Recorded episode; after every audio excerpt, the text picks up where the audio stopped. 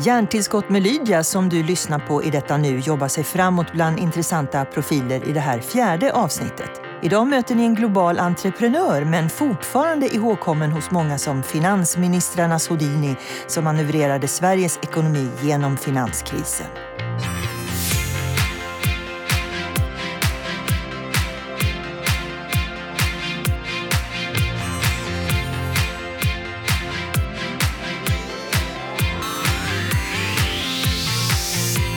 Anders Borg! Hej. Är du nöjd med din eh, tidigare insats som finansminister? Ja, alltså, eh, jag tycker vi klarade Sverige bra under eh, eh krisen 2008. Eh, jag har ju jobbat nu med företag och entreprenörskap. Jag har inte själv kanske varit entreprenör. Jag har ju mer hjälpt, eh, inte minst de här många olika entreprenöriella bolagen i, i Kinnevikgruppen och sen i mitt arbete på City med en massa andra företag. Så att, jag, jag ser mig nog mer som en som underlättar för entreprenörer än en som är entreprenörer. Men du, jag träffade både dig och Fredrik Reinfeldt i olika sammanhang. Ni var ju som rockstjärnor fast utan musiken. Saknar du inte den, alla de öronen och ögonen ändå som, som det var i, i eh, under den här tiden? Alltså, för, för mig var ju den där tiden präglad av eh, mellan 70 och 110 timmars arbete varje vecka. Eh, varje kväll med, gick jag igenom ett par pärmar med underlag. Eh, man arbetade lördag till söndag lika mycket som veckodagarna. Det var en enormt mycket resor och förhandlingar. Det var långa beredningsprocesser. Eh, så det fanns kreativitet i det arbetet där man skulle liksom hitta på nya reformer och lösa problem. Men det var ju också ett enormt slitsamt arbete. Så jag måste nog faktiskt säga att det här att det skulle vara jag har inga minnen av det som någon glamorös period av, av mitt liv utan jag har ju minnen av det som en väldigt, väldigt slitsam period. Och jag tror inte man kan jobba så mycket som jag gjorde under det, det decenniet eh, eh, långsiktigt. Det, man, man, klarar inte att ligga på... Alltså jobbar man 110 timmar på en vecka så är det ju att man i veckodagarna kanske jobbar 17-18 timmar per, per, dag, sover några timmar och sen så jobbar man 10 timmar på både lördagen och på söndagen. Så att, eh, man, man, orkar inte det eh, långsiktigt. Så att jag tycker det var en oerhört spännande period. Eh, jag tycker det är väldigt skönt att få jobba i företag. Nu är det liksom eh, bolagsvärderingen på de diskonterade framtida eh, eh, intäktsflödena som spelar roll snarare än förhandlingar med Centerpartiet eller Folkpartiet eller Kristdemokraterna. Man, man slipper, jag behöver inte ha någon... Alltså man kan tycka olika i mitt nya liv. Någon kan tro att dollarn ska gå upp och någon kan tro att dollarn ska gå ner och det gör inget. Då kan man köpa och sälja dollar med varandra och sen visa marknaden vem det var som hade rätt. Politiken är ju mycket mer komplicerad. Det finns ju inte riktigt rätt och fel på det sättet. Det är ju bara val var fjärde år. Och i, för företagen får man ju någon typ av man får ju någon typ av respons varje kvartal. Mm, det kanske är lite snabbare puckar där. Men jag måste ändå fråga, eh, kommer du någonsin att ge dig in i politiken igen? Ja, det har jag lite svårt att se idag. Jag, jag tänker mig nog jobba i det globala finansiella systemet då med snabbväxande bolag och med investeringar under åtminstone det kommande decenniet. Sen är svårt att veta vad man ska göra resten av sitt liv. Men som jag nu känner så är jag, jag, jag trivs oerhört bra med, med det jag gör. Och sen har jag ju en, en tanke om att parallellt med det också kanske skriva en, börja ägna mig lite åt forskning igen. Och, eh, jag trivs ju med att liksom leva i en forskningsnära miljö där resultaten avgör ås åsikterna. Där man kör en regression och sen vet vad man vad tycker. In, inte man tittar i partiprogrammet och så vet man vad man tycker. Det var väl det som är och var din kommunikationsstrategi. Du hade alltid forskning och vetenskap när du exemplifierade och när du debatterade med journalister. Jag tycker det är en, det är en, alltså jag tycker det är en ärligare miljö. Det här att människor vet vad, vad de ska tycka om barnbidrag eller barnomsorg bara för att de har tittat i ett partiprogram som skrevs för tio år sedan. Det är ju väldigt antiintellektuellt förhållningssätt. Alltså man får helt enkelt ompröva vad man tycker beroende på vad, vilka erfarenheter och vilken forskning som finns. Och sen får man försöka hålla sig till att man är självkritisk mot, mot sina egna uppfattningar. Jag tycker det är en fördel med forskningsmiljön. Sen finns det andra nackdelar. Att det, liksom, den är, ja, det blir väldigt akademiskt och lite elfenbenstornsmässigt och den saknar koppling till verkligheten och så. Men det har jag ju förmånen att få uppleva i, i finansiell sektor och i företagen å andra sidan.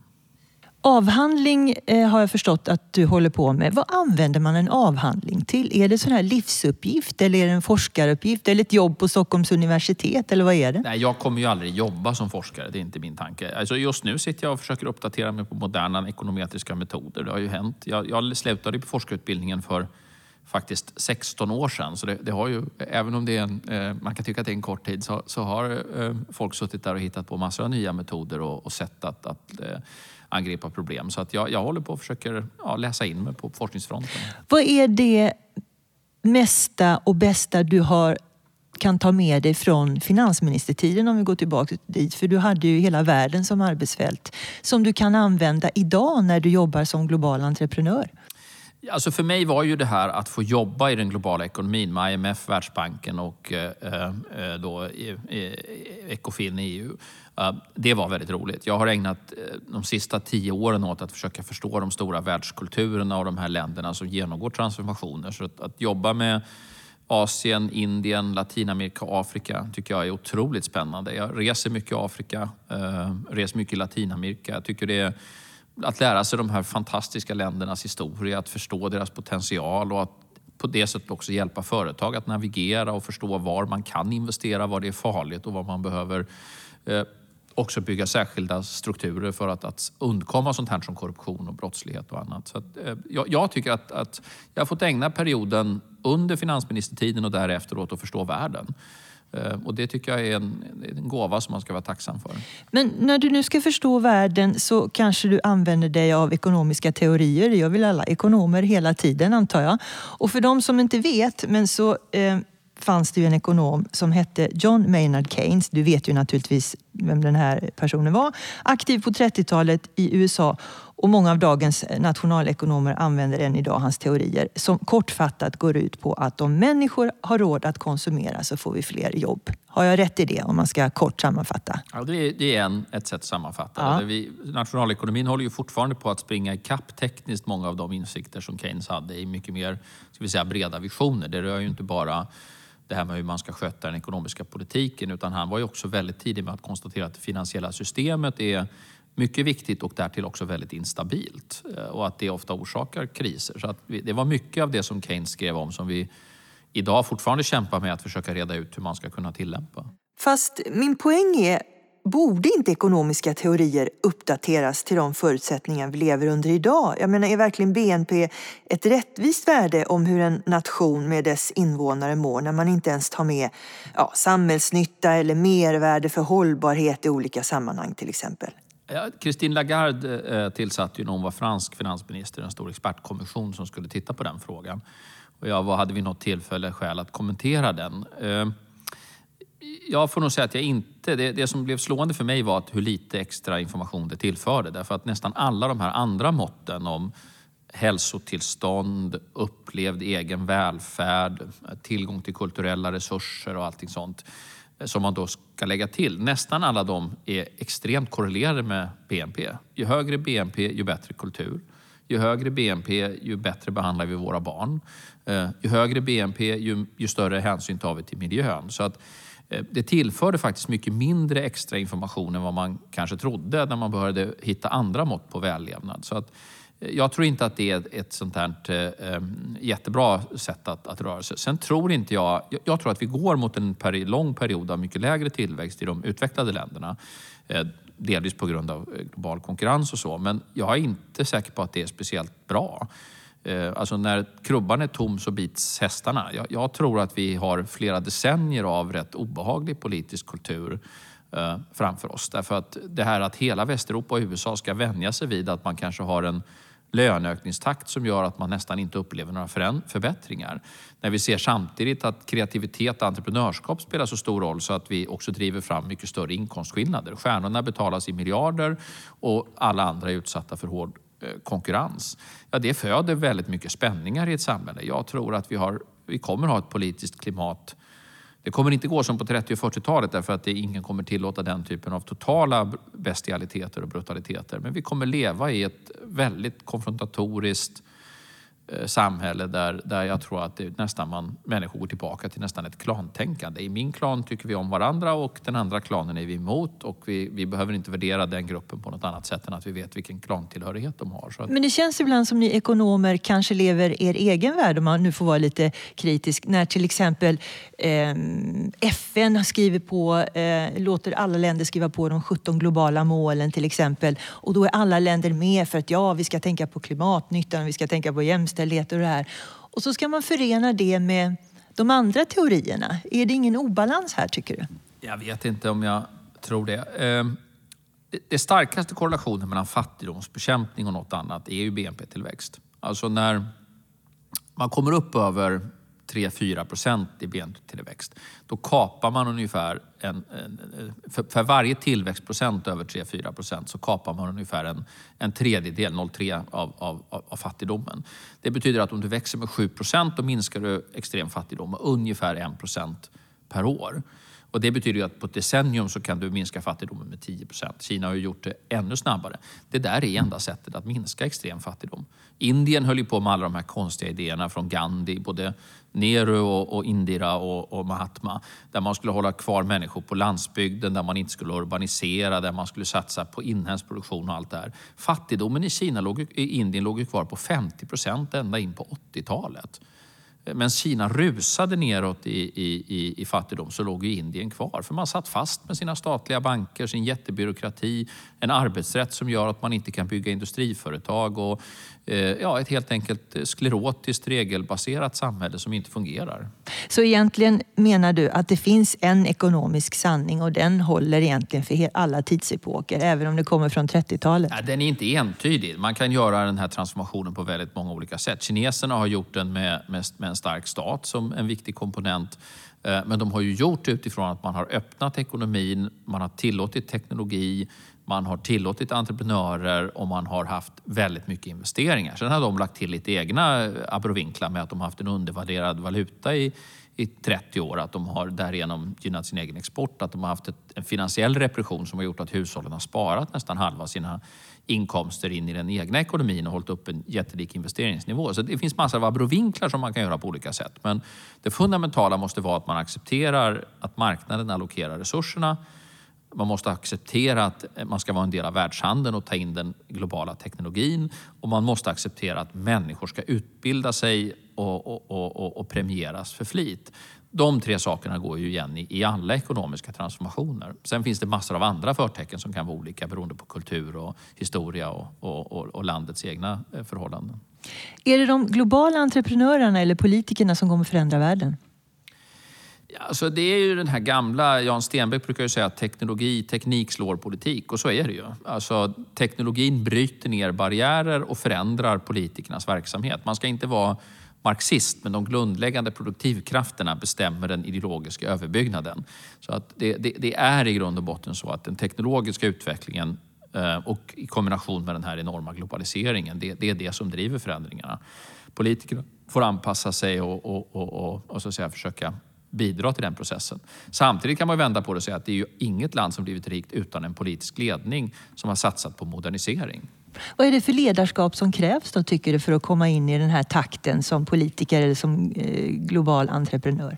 Det beror ju på vilket land vi talar om. Talar vi om ett, ett, ett europeiskt land så krävs det ju någon som Blair, eller Macron, eller Reinfeldt eller Persson. Alltså en stark person som förstår att samla, Eh, som förstår att det måste tas impopulära beslut, som är beredd att offra sitt, sitt egen popularitet för att, att ta långsiktigt ansvar för landet och som har en, en bred moderniseringsidé. Det, det är ju så ja, en Clinton, en Blair eller en, en Persson eller Reinfeldt har fungerat. Eh, I, I utvecklingsländerna så krävs det ju ofta mer av eh, eh, något, ska man, ska man säga, det har ju nästan alltid varit starka män som har gjort moderniseringarna oavsett om vi talar om Deng Xiaoping eller Atatürk eller Lee Kuan Yew i, i, i Singapore.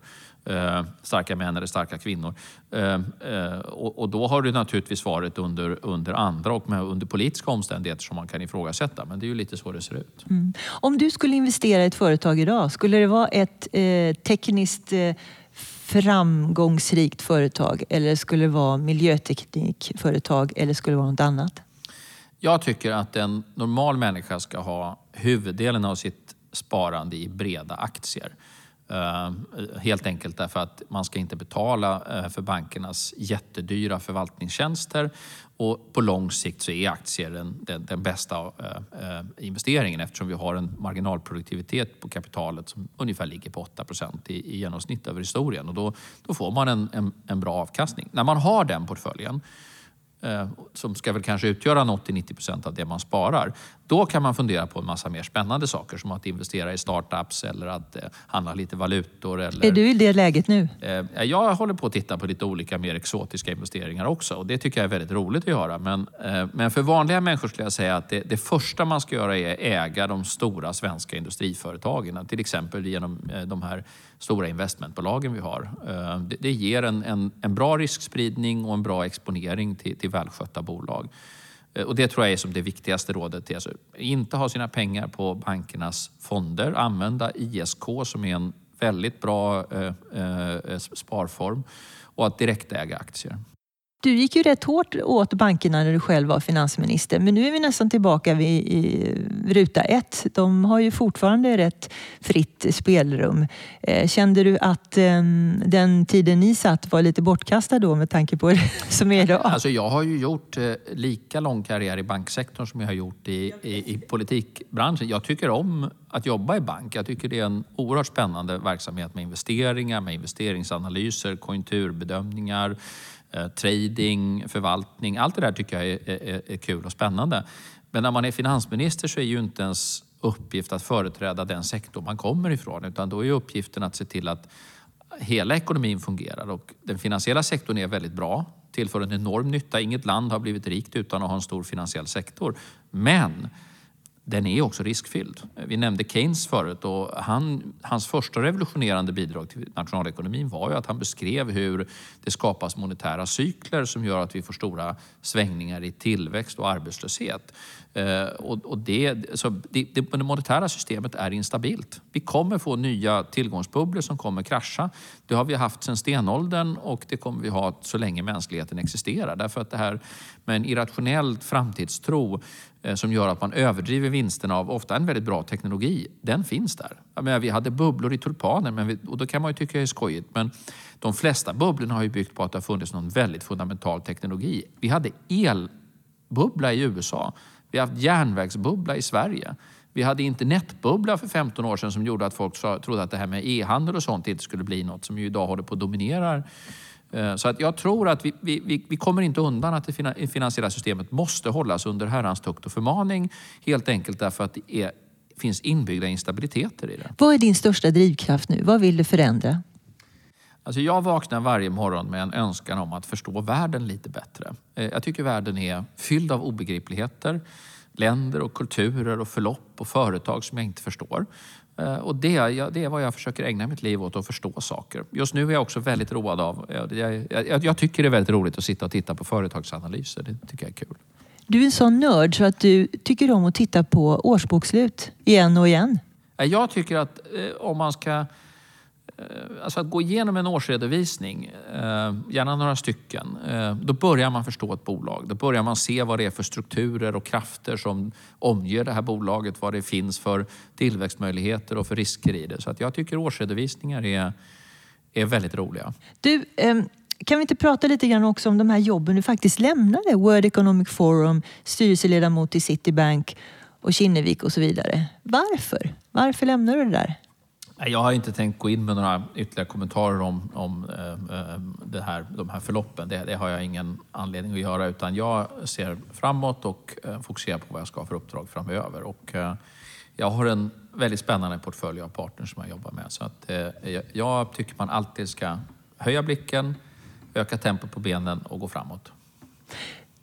Var det inte frustrerande att lämna en plattform som World Economic Forum med tanke på allt det du har berättat, att det är en, ett ställe som man kan påverka eh, världen? Alltså jag har ju förmånen av att ha ett antal eh, globala plattformar. Jag reser fortfarande inte så mycket som jag gjorde. Säg att jag har rest 120-150 dagar om året. Eh, ja, och kanske, ja det är nog ännu mer, det är 150-160 dagar om året.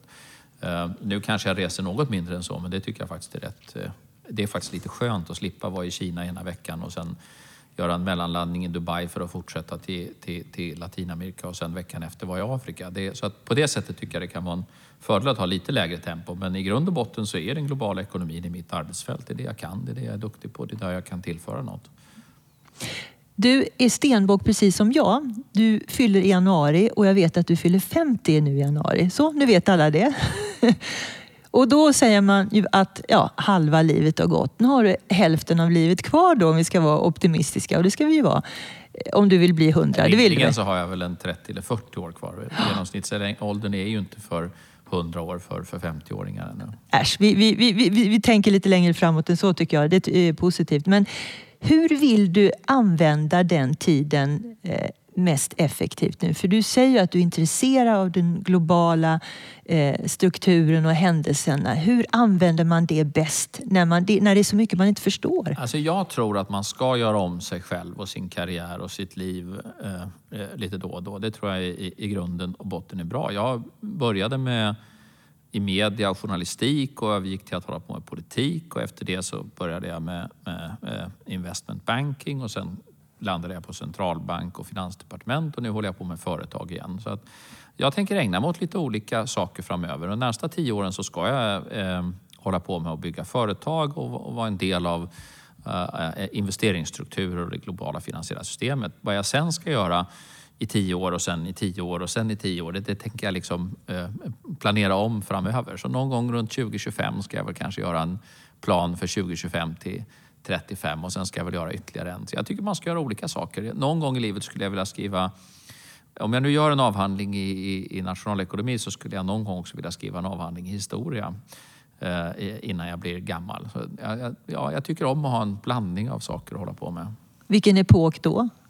Jag skulle gärna skriva en avhandling om Sveriges krig med Ryssland. Jag tror de säger uh, väldigt mycket om de båda länderna och Sverige och Ryssland är ju väldigt nära historiskt förknippade. Eh, och jag tror att förr eller senare så måste Ryssland vända tillbaka från den här isolationistiska vägen och komma tillbaka till Europa. Och Tysklands väg, förlåt, Rysslands väg till Europa går via Tyskland och Norden. Det, det är det naturliga styrkefältet för dem går runt Östersjön när de, när de växer och utvecklas. När du själv vill bli inspirerad eller eh, blir inspirerad av någon person eller föreläsning, vad, vad, tänker du på då? Vem skulle du själv vilja lyssna på helt enkelt? Ja, den person som oftast säger spännande och intressanta saker till mig, det är naturligtvis min partner Dominika Persinski. Hon, hon är eh, en läsande, tänkande och kreativ person. Så att henne får man nästan alltid oväntade intellektuella insikter ifrån. Ja, hon, hon läser, jag läser ju väldigt mycket facklitteratur. Hon läser ju nästan bara litteraturklassiker som Dostojevskij och ja, ny och spännande eh, eh Tolstoj och, och, moderna engelska och ryska författare. Så det, hon, det, det tillför mig väldigt mycket av perspektivet som jag själv... Eh, jag, jag tycker skönlitteratur det är så lite informationsvärde per sida. Det är här, man lär sig mycket om Ryssland av att läsa Tolstoj men det är ju 600 sidor. Eh, man tänker så här, jag fattar poängen men skriv ner den först och ta bort allt det här andra. Men, men, men, men, man lär sig av livet på olika sätt. Men din fakta kommer mer från nätet då? om du ska... Nej, min fakta kommer från tjocka böcker tjockare böcker än de som din ja, partner men mina, läser? Men mina innehåller Rysslands historia, eller Rysslands kultur, eller Rysslands krig eller Rysslands ekonomi. Jag, jag läser inte skönlitteratur faktiskt, det är tyvärr. Men oavsett denna litterära eh, familjära samling så kommer du alltid att kommentera den svenska politiken känns det som.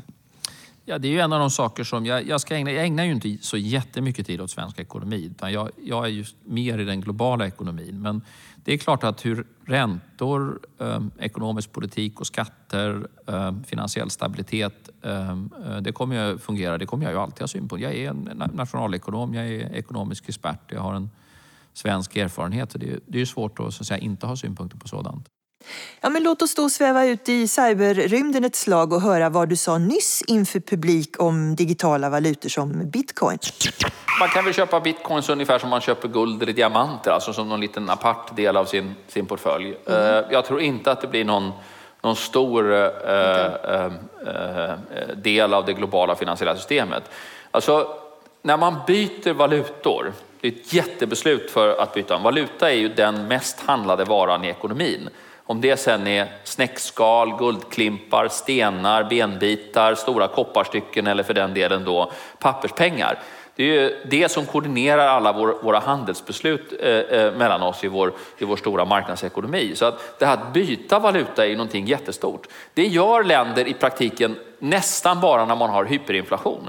Alltså när man börjar bli osäker på om den egen, egna valutan är, är på väg att, att förlora värde. Ja, då, det är väldigt osannolikt. Om man inte tror på kronan så kan man ju tro på dollarn eller schweizerfrancen. Det finns alltså väldigt stabila alternativ som gör att en bitcoin inte egentligen är ett, ett liksom spännande grej. Det tredje är att bitcoin är inte som eh, e-handel eller digitala banker eller eh, eh, Google. Alltså det är inte någon dramatisk förbättring för konsumenten. Man erbjuder inte en bättre sätt att förvara värde. Man erbjuder inte ett bättre sätt att betala, utan det man erbjuder är ett anonymt sätt att betala.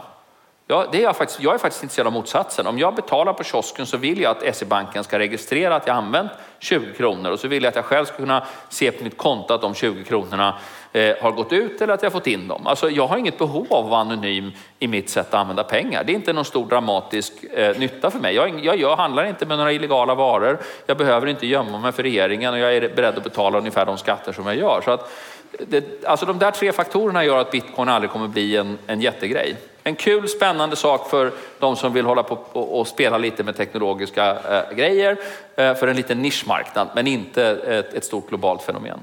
Där ser man. Och så hade du en intressant synpunkt om artificiell intelligens.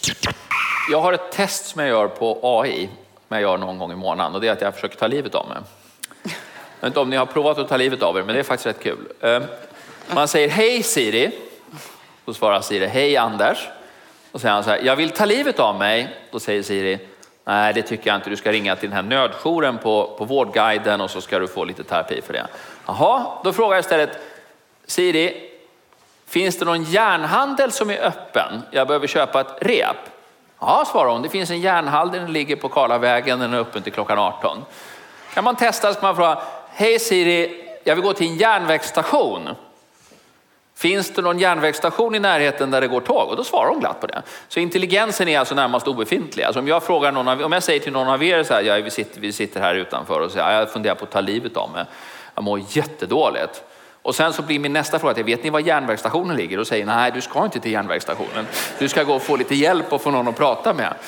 Men artificiell intelligens är alltså ännu inte speciellt intelligent. Men vad den kan göra, det är ju att på ett väldigt enkelt sätt lösa repetitiva enkla frågeställningar. Till exempel sånt här som att byta lösenord, byta konto eller anmäla en ny kod eller något sånt. Där har ju AI en jättepotential. Men intelligent är den ju ännu inte. Inte ens Watson är ju speciellt. Men Watson vann ju inte Jeopardy. Därför för det första vet inte Jeppson att det är ett spel. För det andra vet inte Watson vad vinna är. Och för det tredje har den inget koncept om Jeopardy. Varenda den kan göra är vara en enormt stor sökmotor. Och sökmotorer som tar fram de ord och sökningar som är mest sannolika i enorma databaser är bra, men det är inte intelligens. Eh, och det är det som gör att artificiell intelligens blir egentligen mest effektiv och mest spännande när det är duktiga människor som jobbar med stöd av de här eh, eh, teknologierna så att man på det sättet blir bättre. Och där kommer vi se stora förändringar. Men slutligen, du är inte så mycket moderat längre idag för till och med de förslag du kommer med går ju helt och hållet emot ditt gamla parti som det här med amorteringskravet som du var för och som nu är reellt. Liksom. Fast det är ju strängt taget inte så att jag har ändrat mig. Eh, vi, vi försökte ju driva fram ett amorteringskrav under den tid vi satt i, i regeringen och det borde förmodligen ha gjorts redan 14 eller 15. Eh, så det tycker jag är rätt naturligt. Sen får ju partierna hålla på att ändra sig bäst om gitter. Jag, jag, eh, jag, tycker inte det. Mitt ansvar är för svensk tillväxt, för finansiell stabilitet och, och ekonomisk utveckling. Det här partipolitiska får de som är partipolitiker ägna sig åt. Tack, Anders Borg. Tack så mycket.